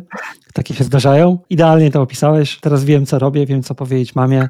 E, znalazłem też kilka cytatów na koszulkę. Nie wiem, czy byśmy nie odpalili zaraz jakiegoś tam CTO, apparel brand, czy coś takiego, tak? E, mówiąc ze słowiańska. Mały target, ale ktoś by kupił. Mały, mały, tak. E, no dobrze, to teraz e, chwilę, kolejna zmiana mała tematu. Teraz pociągnę cię cytatem z twojego bloga, przetłumaczonym w moim wolnym tłumaczeniu na polski, e, z języka słowiańskiego, jak najbardziej angielskiego. Dlaczego bycie dobrym w kodowaniu nie powoduje, że będziesz dobrym software engineer? O, to jest trudny temat. Zazwyczaj Oj, tam napisałeś go 800 Powoduje wiele, wiele ciekawych dyskusji. Ja kiedyś prowadzałem taką swoją klasyfikację właśnie mm, różnych rodzajów, czy też różnych profili ludzi, którzy zajmują się pisaniem oprogramowania. I to też było szerokie spektrum. Gdzieś tam na jednym końcu był tak zwany product developer, a na drugim końcu ktoś, kogo ja określałem mianem kodera. Więc koder to jest dla mnie osoba, która po prostu umie świetnie programować. E, celem jej jest dla niej pisanie kodu. Celem dla niej jest właśnie używanie tych takich fascynujących konstrukcji syntaktycznych po to, żeby na przykład ten kod był najbardziej czysty, albo żeby był najbardziej zgodny z jakimś wzorcem, albo żeby w ogóle właśnie implementować jakiś wzorzec. Jej celem tej osoby jest wypuścić ze swojej, spod swoich rąk jak najlepiej działający kod, czy jak najczystszy według jakichś kryteriów kod, e, niekoniecznie martwiąc się, jaką wartość ten kod dostarcza. Czy czemu ten kod tak do końca służy. Rzemiosło użytkowe. Tak, to, jest, to są ludzie, którym tak naprawdę nie robię wielkiego, wielkiej różnicy, czy ten kod na przykład właśnie służy do, nie wiem, napędzania rumby, czy może do wystrzeliwania rakiety, czy może do, nie wiem, handlu żywym towarem i tak dalej. Po prostu płaci się im za to, żeby pisali kod i oni z tego czerpią satysfakcję. Nie oceniam. Nie mówię, że to jest złe. Po prostu takie są. takie są ich. Żeby było jasne, że miosło użytkowe nie było pejoratywne w żaden sposób. Natomiast te to nie jest ten profil, z którym ja lubię współpracować, e, bo jednak wydaje mi się, że mm, koniec końców robimy jakieś biznesy, które muszą na siebie zarabiać, muszą dostarczać jakąś wartość, więc to, że e, ogólnie jako human beings, jako ludzie, e, mamy tę genialną umiejętność czynienia siebie zajętymi. Jesteśmy w stanie wygenerować sobie nieskończone ilości rzeczy do zrobienia możemy być zajęci przez 24 godziny na dobę, ale zupełnie osobną kwestią jest, czy to nasze zajęcie, to co robimy, ma sens, ma wartość, czy to się przekłada na jakieś, no koniec końców na przykład pieniądze, albo może nawet wartość niematerialną, ale taką, która robi komuś różnicę. I tu właśnie wkracza to drugi koniec spektrum, czyli ten product development. Czyli jak dla mnie taki prawdziwy inżynier oprogramowania to nie jest osoba, która ma ciężki interfejs, z którąś ciężko się dogadać, której ktoś musi tłumaczyć ten cały biznes, osoba, która się panicznie boi jakiejkolwiek domeny. Tylko dla mnie ten inżynier oprogramowania to jest osoba, która ma umiejętność myślenia abstrakcyjnego, ma umiejętność komunikowania się w sposób pisany, w sposób również y, mówiony oczywiście z innymi osobami. To jest osoba pragmatyczna, która jest zorientowana na jakiś konkretny cel, która, jest, która umie podejmować decyzje, które są opłacalne, czyli na przykład nie jest perfekcjonistą, tylko właśnie, tak powiedziałem wcześniej, jest jakimś tam pragmatykiem. E, dla mnie taki dobry inżynier oprogramowania to jest też osoba, która umie przyjmować na przykład feedback, która umie współpracować na bieżąco, w trybie takim ciągłym, umie pracować z kimś, kto się na przykład siedzi przy niej przy ramieniu i na przykład na bieżąco razem tworzą jakieś, jakieś, jakieś rozwiązanie, czy to będzie designer, czy to będzie jakaś inna osoba produktowa. E, dla mnie, mm, powiem szczerze, e, kwestie, jeżeli chodzi o takie stricte, e, skille stricte techniczne, umiejętność wejścia bardzo, bardzo głęboko gdzieś w jakiś framework, bibliotekę, język programowania, one znacznie częściej mają znacznie mniejszą rolę w bardzo wielu przypadkach, bo to oczywiście nie w wszystkich przypadkach, ale mają znacznie mniejszą rolę niż właśnie te aspekty takie czysto miękkie. Okej, okay, to teraz e, trzy pytania o rzeczy, które są przydatne, nie są przydatne. E, postaraj się tak, nie, ale możesz roz, rozszerzyć trzema zdaniami. E, formalna edukacja programistyczna, inżynierska. Potrzebna, niepotrzebna? Będę kontrowersyjny, ale powiem, że tak, jest potrzebna. Dlaczego? Dlatego, że ona wyrabia, to jest tak jak kata w sztukach walki. Mhm. Ona wyrabia pewne nawyki i właśnie pewne tak zwane mental models, sposoby myślenia, które są bardzo niskopoziomowym patternem, kiedy się porozumiewamy na przykład z innymi inżynierami. Dzięki temu mamy ten wspólny język, dzięki temu jesteśmy w stanie rozwiązywać niebanalne problemy. Bo to jest tak jak z każdą organizacją, że jak jest organizacja, to można w niej napisać e, czerwoną książeczkę, 130 tysięcy różnych reguł, którym na każdą okazję i to być może jakoś tam zadziała, a na krótką metę, ale zawsze będą jakieś wyjątki ale znacznie lepiej dać na przykład 10 principles albo 10 tenets i w tym momencie tak długo, jeżeli twoja obecna decyzja jest oparta na tych principles i tenets, to jest prawidłowa. Tak samo jest właśnie w przypadku tej formalnej edukacji. Jeżeli masz te podstawy, jeżeli masz te foundations, ten współdzielony sposób abstrakcyjnego myślenia, to jesteś w stanie designować, projektować, tworzyć rozwiązania, które wymykają się z tych, stan, z tych standardowych template'ów, tych tutorialowych przykładów. Ale teraz mamy trochę taki kult college dropouts tak? Mark Zuckerberg, y, kilka innych przykładów. Trochę tak, ale to czasami wyjątki potwierdzają regułę, bo są osoby, które mają już wrodzoną umiejętność myślenia abstrakcyjnego i niewiele im potrzeba, albo wykształciły ją sobie na innej postaci niż na przykład przez formalny kurs computer science na jakimś uniwersytecie. Więc takie przypadki jak najbardziej również są. E, natomiast oprócz tego e, powiedzmy sobie szczerze, jest tak duże zapotrzebowanie na programistów, jeżeli chodzi o, o, o, ogólnie o cały świat, że bardzo zachęca się wszelkiego rodzaju y, neofitów do, do wchodzenia w ten zawód i to jest zupełnie normalne ze względu na te, ten pewnego rodzaju trend, który, który e, czeka właśnie tworzenie oprogramowania, e, ale o tym pewnie jeszcze porozmawiamy dzisiaj. No, e, mam nadzieję, trochę nam już czasu zeszło, ale najwyżej będziemy mieli dwa odcinki. To było pytanie, znaczy to był pierwszy atrybut, drugi atrybut, taka dyskusja, czy software engineer musi mieć pasję w tym, co robi? Hmm. E, pasja nie jest wystarczająca. E, być hmm. może nawet nie jest do końca konieczna, ale bardzo, bardzo pomaga. Po prostu działa jak katalizator. Ja bym powiedział, że on niekoniecznie musi mieć pasję, e, natomiast moim zdaniem bardzo pomaga, jeżeli ma te intrinsic motivations, jakieś wewnętrzne motywacje, realizuje w jakiś sposób samego, samą siebie, w sposób zgodny z tym, co może zaoferować mu organizacja. Bo to znaczy, że on w tej danej organizacji może zakwitnąć, może realizować również sam siebie, co wewnętrznie go motywuje, napędza, i dzięki temu taka osoba jest bardziej skuteczna i jeszcze ma większą satysfakcję ze swojej pracy. Pytanie było tendencyjne, bo e, zawsze się mówi, e, takie są różne mowy na koniec studiów, znane osoby mówią, musisz wyjść, znaleźć swoją pasję i tak dalej. Ostatnio przeczytałem fajną wypowiedź, że przeważnie mówią to ludzie, którzy mają dużo pieniędzy, kilkadziesiąt lat i przez przypadek udało im się coś zrobić, czasami może nie przez przypadek i mówią idźcie, szukajcie swojej pasji.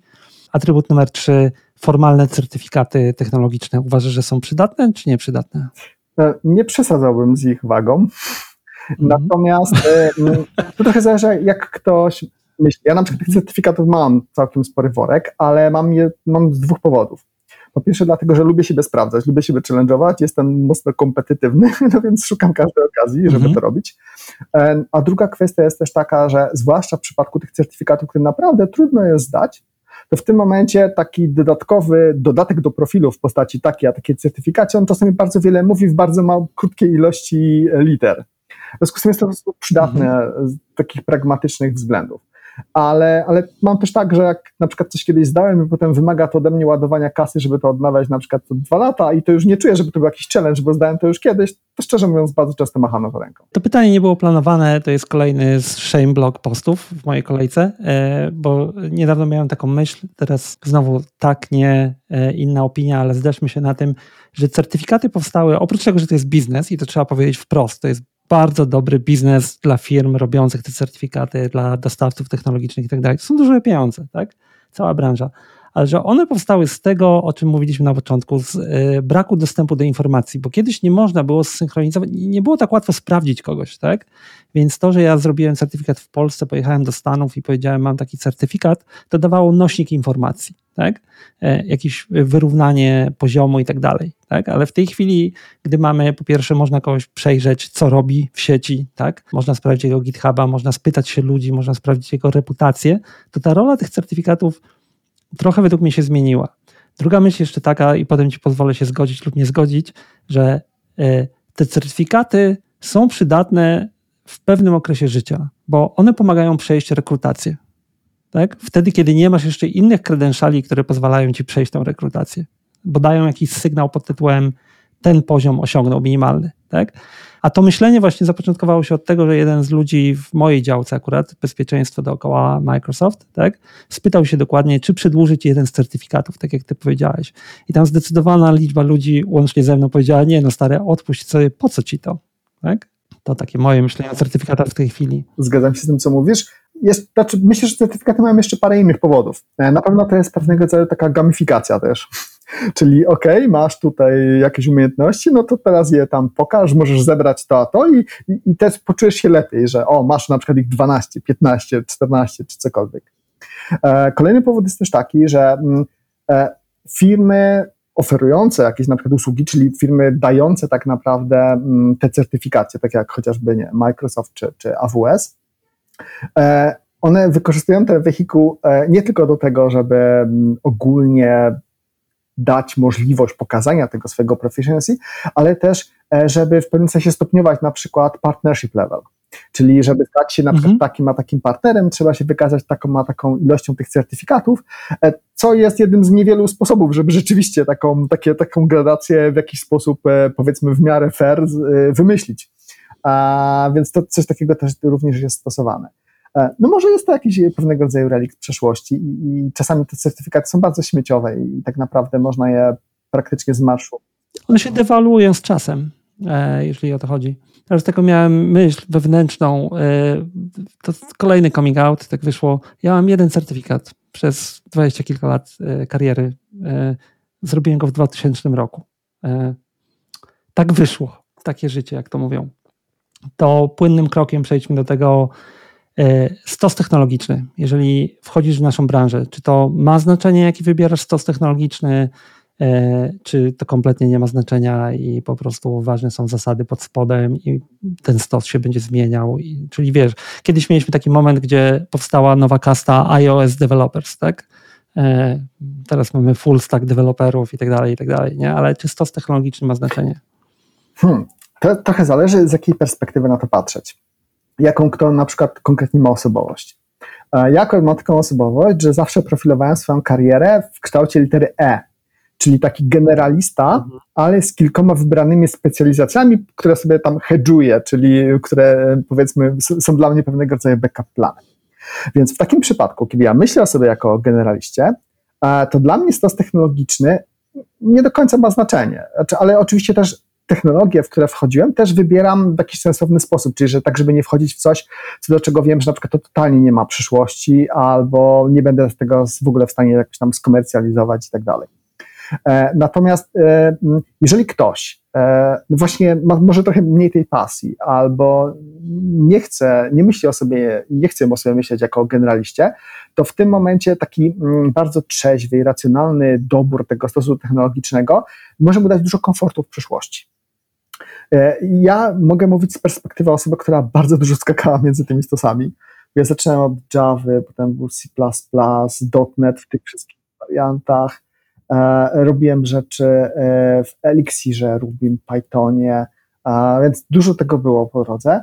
E, I powiem szczerze, że bardzo dużo tego doświadczenia przechodziło pomiędzy tymi różnymi stosami.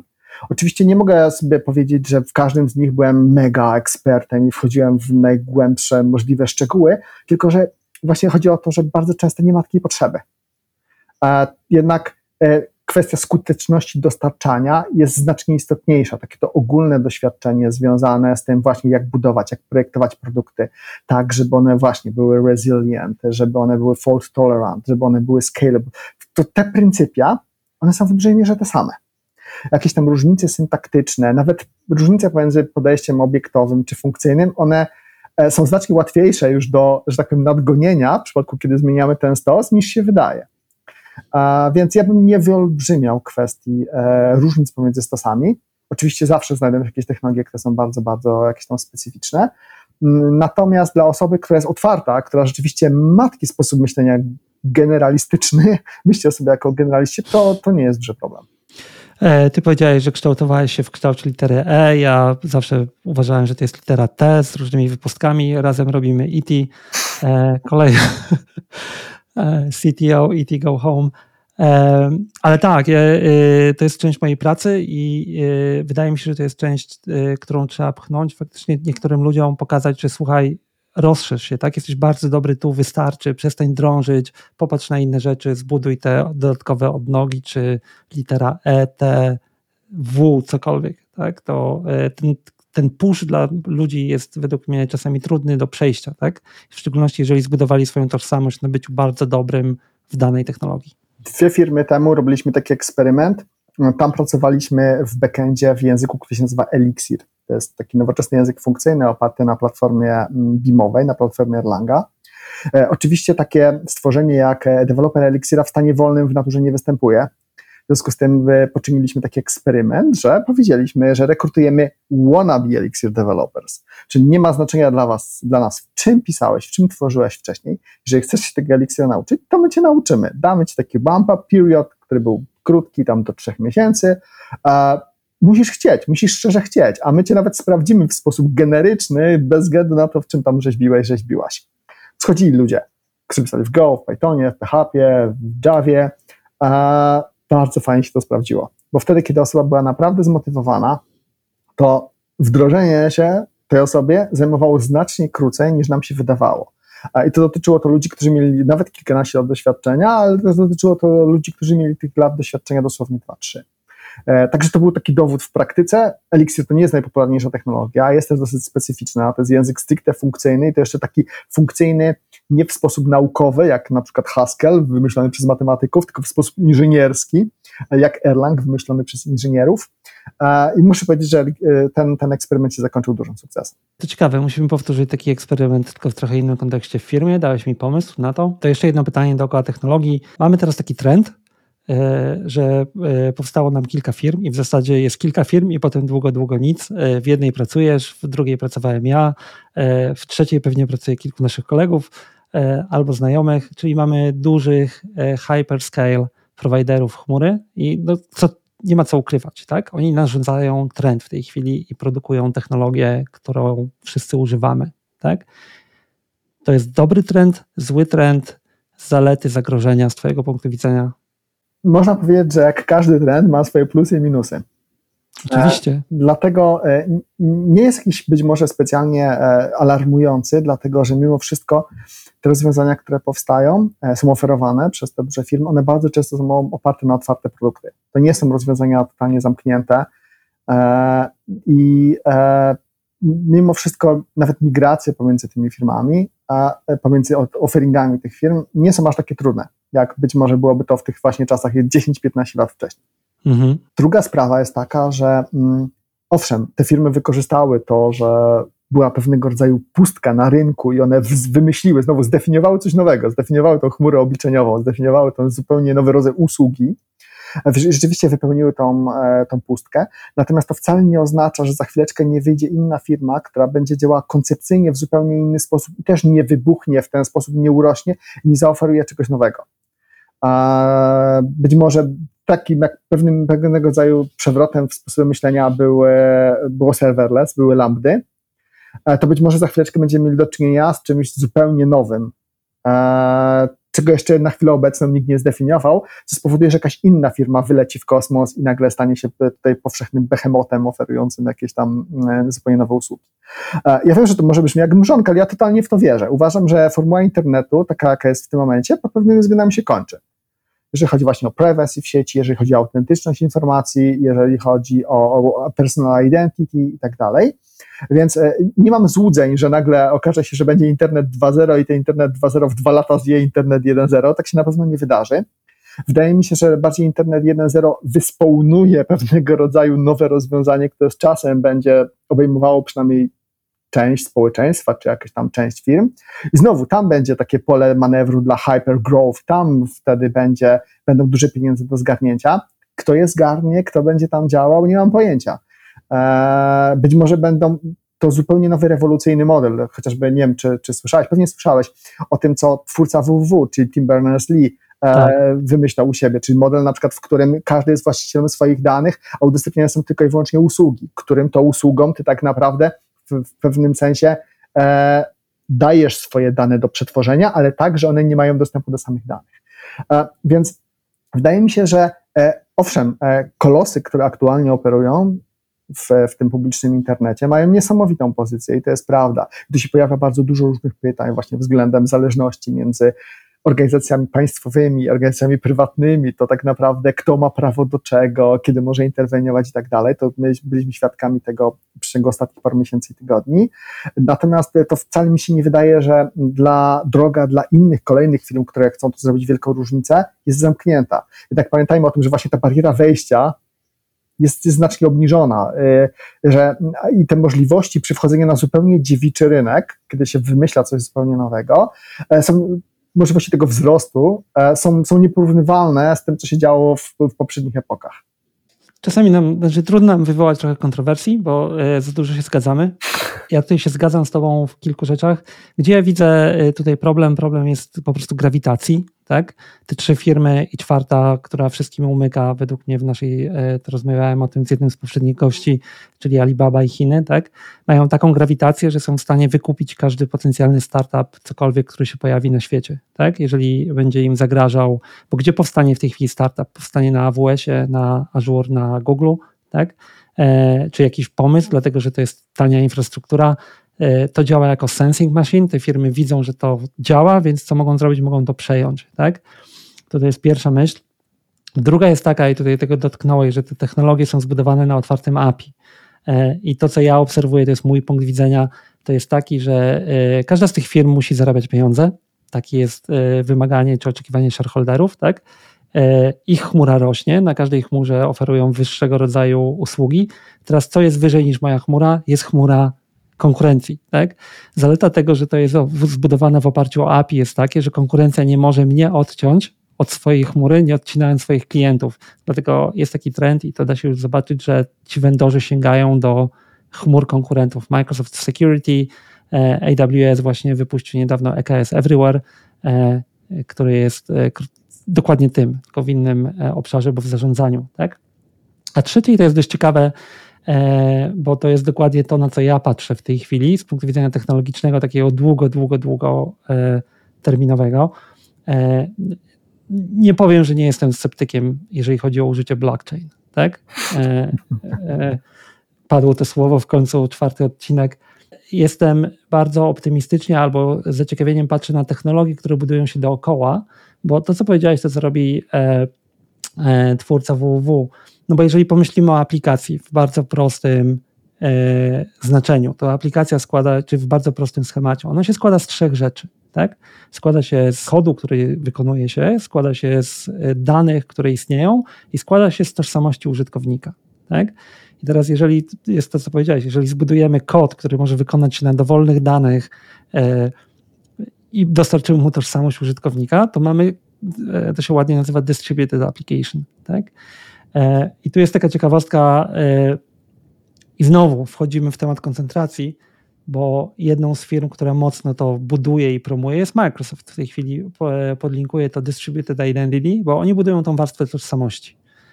I to jest dość ciekawe, bo jeżeli będzie dobrze zbudowana warstwa tożsamości i oni budują to jako open source, tak, to jest to będziemy mogli zacząć budować roz, zbudowane aplikacje, bo ja swoje dane mogę wrzucić na S3 Bucket na Amazonie, tak? Kod może działać gdziekolwiek, e, bo to jest kawałek kodu i powiedzieć temu kodu, kodu wykonaj się na moich danych w tym S3 bucket i ja ci daję na to pozwolenie używając mojej distributed identity, tak?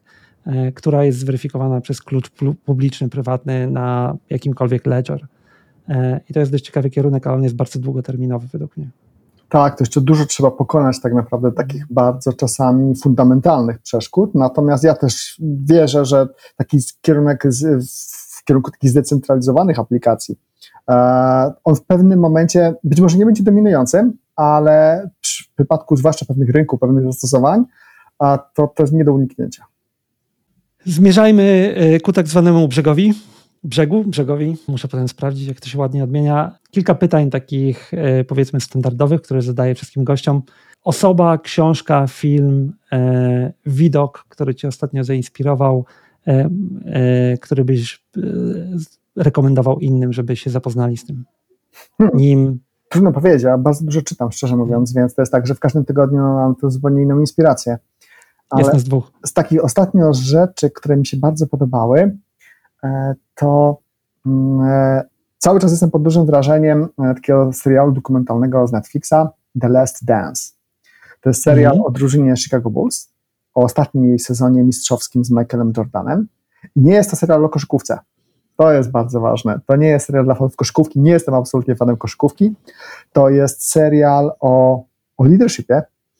To jest serial o natężeniach, napięciach, lacach w zespole to jest serial o ambicji, to jest serial o czymś, co ja nazywam social contract, czyli właśnie jak muszą się zgadzać ze sobą ambicje poszczególnych ludzi, żeby e, cały zespół zagrał jako ciało, jedno ciało. E, uważam, że bardzo fajnie jest obejrzeć sobie ten serial pod kątem takim czysto psychologicznym i zobaczyć, że to wcale nie jest tak, że to był po prostu najlepszy zespół na świecie i właśnie jak to czasami jest, e, wy wszyscy jadali sobie z dzióbków, było pięknie, wspaniale, bo oni po prostu tak wymiatali, to im, to im dawało możliwość wygrywania z każdym. To jest na pewno Dobrze. rzecz, która jest dla mnie stałą inspiracją. E, z ciekawych książek ostatnio przeczytanych ja mogę polecić e, Almanach e, Nawala Ravikanta. To jest bardzo ciekawy Właśnie czytam. w internecie. Polecam to dlatego, że jest bardzo concise, bardzo krótki, konkretny. Ja ogólnie się zgadzam z tym, co Nawal w internecie pisze, to jest osoba, która jest inwestorem, trochę zjadła zębów w Silicon Valley, miała mm, styczność z różnymi ciekawymi scenariuszami w swoim życiu i tak naprawdę ten przekaz, który przekazuje dalej, to jest taka mieszanina różnych rodzajów filozofii plus e, powiedzmy pewnego rodzaju doświadczenia biznesowego i właśnie takiego podejścia entrepreneurskiego, czyli podejścia przedsiębiorczego. I on z tego uczynił taką filozofię życiową, którą się dzieli, ona jest zazwyczaj właśnie bardzo zwięźle sformułowana.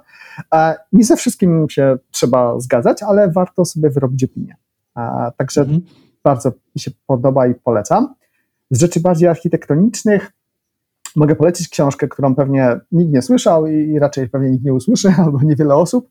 E, to jest taka książka, jeżeli dobrze pamiętam tytuł, to jest Sztuka e, niezmiennych architektur, The Art of Immutable Architectures.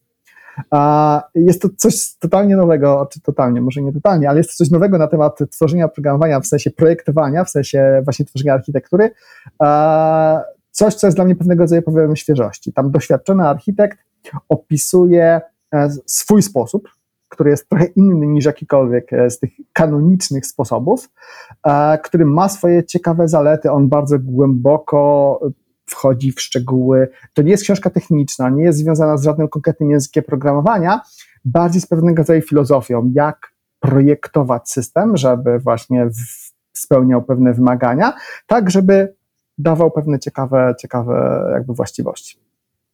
I, I ostatnia, jeżeli mogę, inspiracja, to jeżeli chodzi właśnie o leadership, to bardzo mocno polecam książkę Michaela Lopa, e, na internecie zwanego jako Runs, też bardzo doświadczonej osoby z, z bardzo fajnym success trackiem. To jest książka The Art of Leadership. I to jest bardzo ciekawa książka z perspektywy e, właśnie doświadczonego engineering leadera, engineering managera, bardzo pragmatyczna, bardzo to the bone, tak minimum flafu, minimum opowiadania o jakichś pszczółkach, bzdurkach, tylko rzeczywiście praktyczne doświadczenia kogoś, kto już swoje zęby na tym przemyśle zjadł. Wszystko oczywiście podlinkujemy. E, tak jak powiedziałem, ja właśnie jestem w trakcie czytania e, The Almanac of Naval. E, tu jest taka moja myśl, którą miałem, bo on nawet to wspomina tam, to nawet nie on, bo ta książka jest napisana przez kogoś innego w oparciu o jego wypowiedzi, że bardzo ważne jest miejsce, w którym mieszkasz, bo ja miałem taką myśl, że taka książka nie powstałaby w naszym kraju z różnych powodów. E, to jest Prawda. kwestia kultury, e, otoczenia, historii i tak dalej, i tak dalej. Po prostu w tej chwili może by powstała, ale bo on jest w naszym wieku, Pireze Oko, w oparciu o doświadczenia osób z naszego pokolenia ciężko by było taką książkę napisać, tak? bo nie mieliśmy punktu odniesienia takiego ale podlinkujemy, wszyscy się zapoznają, bardzo dobra, e, według mnie też warto przeczytać. Trochę o tym rozmawialiśmy, ale od strony technologicznej, coś na co patrzysz w tym roku, tak powiedzmy 12 miesięcy do przodu, technologia, którą zwracasz uwagę, albo coś, co myślisz, że prześlizga się pod radarem ogółowi dyskusji i wojenek w internecie? Hmm. Trudne pytanie. Myślę, że nie mam żadnej konkretnej technologii na myśli. E, to, co mnie jakby ostatnio fascynuje, może to zabrzmi jakoś tak strasznie naiwnie, ale e, mam wrażenie, że takie bardzo mm, ciekawe podejście, jak e, codeless, a podejście codeless do tworzenia aplikacji biznesowych, które było bardzo wiele razy praktykowane i nigdy się nie udawało, to ona teraz po cichu znowu się dzieje, ale z lepszym skutkiem. A ja byłem pod dużym wrażeniem e, na takiego produktu, jakim jest Jupyter Notebook, Mhm. E, I że wreszcie tak naprawdę ktoś był w stanie odtworzyć sukces Excela. Excel to jest dla mnie programming environment, tak naprawdę, gdzie osoby, które nie mają umiejętności Excel nigdy nie umrze. Tak, są w stanie stworzyć e, pewnego rodzaju magię. Więc dla mnie Jupyter Notebook to jest przykład czegoś takiego, gdzie można zamknąć gdzieś w coś strawnego dla przeciętnego zjadacza chleba, no prawie przeciętnego zjadacza chleba, gdzie można zamknąć mega potężne narzędzie. I teraz e, widzę, że ten trend tworzenia kolejnych narzędzi on, on trwa, on żyje. E, kiedy ja zacząłem zapoznawać się na przykład mm, powiedzmy z usługami, już tutaj nie reklamując nikogo, które można określić jako machine learning as a service, kiedy zobaczyłem, jak one działają i jaka rzeczywiście tam jest potęga pod spodem, e, to nagle dotarło do mnie, że kurczę, wydawało się, że bariera wejścia w ten taki prawdziwy machine learning, żeby rzeczywiście coś z tego wyciągnąć, to jednak jest taka, że jeszcze długo, długo to się nie, tak nie skomodytyzuje, mówiąc nieładnie. Mhm. Natomiast okazuje się, że nawet coś takiego, coś, co jest trudne, skomplikowane, ma bardzo wiele wymiarów swobody i tych różnego rodzaju wajch, przełączników i tak dalej, da się sensownie zamknąć w usługę. I to jest dla mnie bardzo interesujące. A więc wydaje mi się, że ten taki trend jakby dawania, wystawiania wszystkiego as service, on będzie trwał i być może nie wszystko się uda zamknąć w ten codeless approach, tworzenie interfejsów użytkownika i tak dalej, to się do tej pory się nie udawało i mam jakieś mieszane uczucia, czy się, czy się dobrze uda. Natomiast e, wydaje mi się, że mm, sam fakt, że jest tak duże zapotrzebowanie na, na programistów, na usługi programistyczne, e, nie do zaspokojenia de facto, nawet tym całym, powiedzmy, marszem tutaj neofitów, który, który, który wchodzą na rynek, to spowoduje kilka rzeczy. To właśnie spowoduje mm, to, że takie usługi bardziej opakowane, codeless, e, staną się coraz bardziej popularne i tak samo spowoduje drastyczną zmianę w samym zawodzie takiego software dewelopera. Wydaje mi się, że ten zawód zniknie z czasem. Może to zabrzmi mega kontrowersyjnie. Taki prawdziwy, hardkorowy software developer zniknie, natomiast ten zawód e, połączy się z bardzo wieloma innymi zawodami, już takimi bardziej domenowymi. To już będzie tak, że software development gdzieś na jakimś poziomie abstrakcji stanie się po prostu częścią innych zawodów. Owszem, ciągle gdzieś zostaną tacy powiedzmy hardkorowi e, programiści, którzy tworzą faktycznie kod bardzo, bardzo sophisticated, którego nie, nie stanie napisać nikt inny. Natomiast generalnie e, uważam, że jednak trend będzie taki, że elementy programowania gdzieś na jakimś poziomie abstrakcji po prostu będą włączane w różne inne zawody ale to, to też pewnie nie będzie trend, który szybko się e, wydarzy się w ciągu pół roku. Szybko nie. Ja obawiam się, że nawet nie codeless czy no, no code, jak się ładnie to też teraz nazywa, tak, e, może umrzeć pod ciężarem oczekiwań, jakie buduje marketing vendorów wobec niego. Ludzie oczekują, że to po prostu już jest super, działa, każdy może zrobić nagle enterprise level application.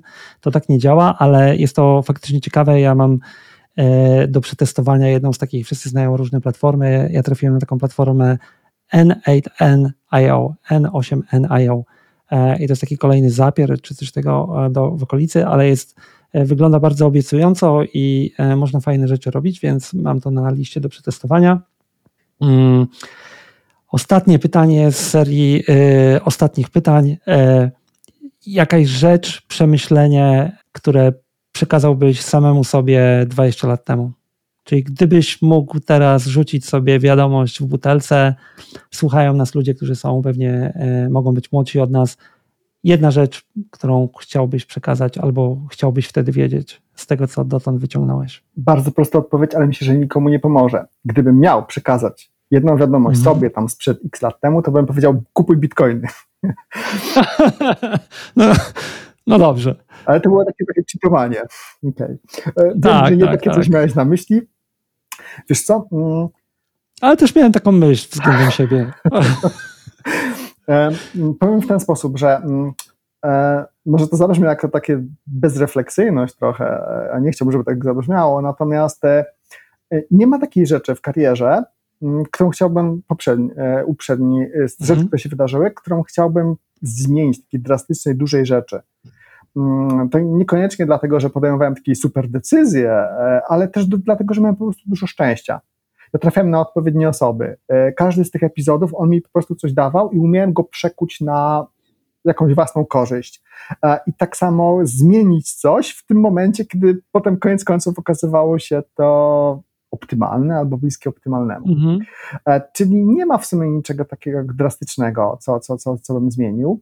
E, ja dużo się mówi na, chociażby na temat tego, że mm, tak jak mówiłem, dobry inżynier oprogramowania, osoba, która pracuje z oprogramowaniem, to właśnie musi być osoba, która nie tylko i wyłącznie siedzi w kodzie, ale ma też dużo umiejętności dookoła czyli właśnie umiejętności miękkich, związanych z, czasami z zarządzaniem, z organizacją pracy i tak dalej. Ja mam to szczęście, że, że właśnie tak wyglądała moja ścieżka, wchodząc do tego konsultingu. Ja nie byłem tam programistą, formalnie nazywałem się tam analitykiem. E, kiedyś nawet napisałem artykuł na ten temat, że dla mnie ten zawód to był taki devlist, coś pomiędzy deweloperem a pomiędzy analitykiem. I, I to jest właśnie według mnie taki optymalny rodzaj kariery, czyli osoba, która umie się zaadaptować, umie sprzedać pomysł, umie coś zaprojektować i umie też przekuć to na działający produkt, czyli przekuć to na kod. E, czyli też uważam, że ten właśnie taki model kariery on bardzo fajnie zadziałał, więc e, e, również z tego jestem zadowolony. Mm, co bym jeszcze sobie powiedział? Znaczy na pewno bym sobie powiedział, bo kiedyś miałem, byłem w takiej sytuacji, że miałem, mm, akurat pracowałem na trzech kontynentach, miałem polecieć na czwarty, bo miałem pracować w Azji, a już wszystko było dograne na ostatni guzik i przyjąłem jakąś końską dawkę szczepionek, już nawet nie wiem ilu i okazało się, że, że, że nie poleciałem tam. A więc na pewno bym sobie powiedział, nie bierz tych wszystkich szczepionek, nie zatruwaj organizmu. E, nie wiadomo, nie wiadomo e, co, co tam tak naprawdę jest, e, tylko odczekaj, bo, bo z tego projektu nic nie będzie, to tak pół, pół żartem, pół serio. Natomiast nie mam takiego jakby jednego, jednej rzeczy, której na przykład bym żałował i którą chciałbym zmienić w przyszłości. Mogę powiedzieć, że pod tym względem jestem z siebie zadowolony, natomiast to jest cały czas, że także jestem głodny tego, co przede mną. E, także wcale nie uważam, że, że, że, że to jest moment, nie wiem, dyskontowania jakichś wcześniejszych sukcesów czy coś, tylko cały, cały czas uważam, że moje opus magnum jest jeszcze przede mną. E, wiesz co, nawet nie było pytanie w kontekście, e, czy z czegoś jesteś niezadowolony, bo ja mam e, prywatną taką bardzo słowiańską maksymę no regrets. Doszliśmy, gdzie doszliśmy, dlatego że szliśmy tą drogą, którą szliśmy i ona jest bardzo dobra. Wiesz, no, ludzie są przed nami, mamy okazję przekazać jakiś tam learning, ale to też jest dobry, dobry wniosek z tego, co powiedziałeś, tak? Kilka razy użyłeś słowa szczęście i teraz jako, że jestem na bieżąco e, z lekturą e, właśnie Almanak e, Nawala, to polecam wszystkim, tam jest taki fajny, bardzo dobry rozdział definicji szczęścia, są trzy rodzaje szczęścia. Myślę, że to, co mówiłeś, to był ten trzeci, czyli nie, nie ślepy strzał, tylko raczej pomaganie temu, żeby to szczęście do ciebie trafiło, tak? Dobrze, Sebastian, bardzo dobra rozmowa, bardzo dziękuję Ci za czas. Sebastian Gębski, CTO, VP of Engineering, e, ex-konsultant. E, polecam No Kill Switch. E, no i oczywiście podlinkujemy wszystko. Dzięki jeszcze raz. Dzięki, cześć. Jeżeli dotarłeś do tego miejsca, gratuluję i dziękuję. Rozmowa była długa, ale jak zauważyłeś, bardzo ciekawa i mieliśmy duże zabawy rozmawiając wspólnie na te tematy. Kilka punktów podsumowania z mojej strony. Jak zawsze po pierwsze, prowadzenie bloga czy inna działalność w sieci może być idealnym sposobem prowadzenia własnych notatek i retrospekcji. Jeżeli nie macie pomysłu, dla kogo to robicie, róbcie to dla siebie. Zawsze warto, zawsze możecie do tego wrócić.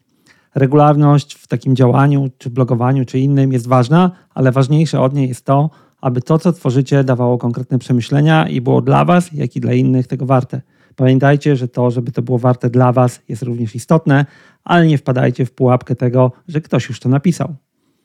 Otwarty dostęp do informacji zmniejszył przewagę, jaką kiedyś miały duże organizacje, tak zwane big brands w branży IT. Teraz dzięki e, szybkiemu dostępu do informacji w internecie oraz open source ta przewaga mocno się zmniejszyła i przez to firmy typu big brands mają mniejszą przewagę i mniejszą rolę w e, ekosystemie IT. Jeżeli mówimy o big brands, Charakterystyka pracy konsultanta powoduje, że konsultant nie zawsze ponosi konsekwencje swoich decyzji, co może wpływać na nie, ale nie ma też możliwości długoterminowego obserwowania potencjalnych pozytywnych wyników takiego projektu.